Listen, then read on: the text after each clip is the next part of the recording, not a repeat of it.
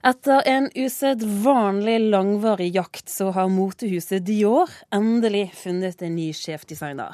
Belgiske Ruff Simons har sagt ja til en av de mest profilerte jobbene innen moteindustrien. Og Dior ble, som vi kanskje husker, tvunget til å starte letingen etter en ny designer i fjor, etter at den noe omdiskuterte John Galliano fikk sparken og ble dømt for eh, jødehets. Velkommen til Kulturnytt, Kjell Nordstrøm. Du er selv designer, og hvem vil du si at denne Ruff Simons egentlig er? Det morsomme med Raf Simons er at han er jo ganske ukjent for eh, folk flest. Men han er jo sett som kanskje et underbarn i motorbranschen. motebransjen. Da. Det er mange som mener at han er kanskje den beste herredesignen noensinne. Han er jo ikke egentlig klesdesigner, han er industridesigner i bunn og grunn. Men han tilhører da den fantastiske skaren av belgiske designere som slo igjennom på midten av 90-tallet. Ironisk nok så slog han igjennom med en herrekolleksjon som var inspirert av skinheads.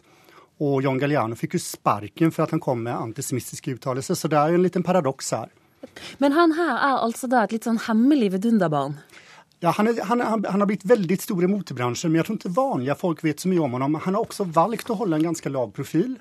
Hvordan eh, merker du det? Ja, alltså han, har varit, han har figurerat ganska lite i media, till forskel för John Galliano som ju nästan bara figurerte i media. Men jag tror att det är ett väldigt lurt valg eh, som Diorhuset har gjort, för det att han är en extremt flott, eller extremt flink designer på linjer. Och jag tror att man önskar kanske nu också profilera sig i en annan riktning. John Galliano, det han gjorde för Dior, det må man huska, det var det egentligen aldrig Dior-looken. Nei, hva var det han gjorde? Bare minn oss kjapt på altså, det. John Galliano var jo en designer som gjorde veldig uh, autorerte kreasjoner. Og det var bra for huset Dior fordi at de fikk veldig mye media.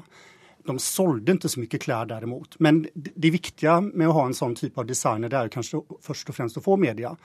Men til slutt så tror jeg John Galliano ble for stor og ble for omstendig, og det ble på en måte litt for mye. Og etter 15 år så tror jeg de egentlig bare så etter en grunn for å sparke ham. Og nå velger de altså ifølge deg å gå i en annen retning. Hvilken retning da? Altså, Raf Simons er kjent for eh, rene linjer. Han har vært sjefsdesigner for Jill Sander, et motehus. Eh, som jo er kjent for at det er veldig enkle, rene linjer. Men han har enda klart å skape noe nytt. Og på herresiden framfor alt så har han skapt en helt ny silhuett siden da han slo igjennom i, i midten av 90-tallet. Vad han kan eh, innanför haute couture, det är det ingen som vet, för han har aldrig designat haute couture. Och han ska ju visa sin första haute couture-visning i mitten av juli. Så det bränner lite under fötterna. Så det är väldigt spännande att se. Det här är otroligt spännande i eh, motorbranschen. Då. Det høres ut som ett modigt valg av Dior? På ett sätt ja, på ett sätt icke. För att i och med att han, har, eh, han är en stor stjärna i motorbranschen och jag tror att det man önskar nå också Vi må huska att det är finanskriser i hela världen och i motorbranschen också. Jag tror det man önskar nå, det är att gå tillbaka till kanske lite renare linjer. till, eh, till någonting som inte är så turbulent som, eh, som det var under John Galliano. gå tillbaka till sina rötter kan man väl säga. Christian Dior var ju luxuriöst. Men när han slog igenom efter andra världskriget så var det ju med rena linjer, även om det var väldigt luxuriösa materialer, så var det en ren look. New look var ju det Christian då blev känd för. Jag tror att man önskar att kanske gå tillbaka till någonting lignende med Raf Simons. Ja, Dior, altså Motehuset Dior, det er, et, uh, altså det er noe vi, de fleste, et navn de fleste kjenner og har et forhold til. Hvordan har de klart seg egentlig nå de siste økonomiske vanskelige årene? Det er veldig få motehus og de her haute som, som lever av sine klær.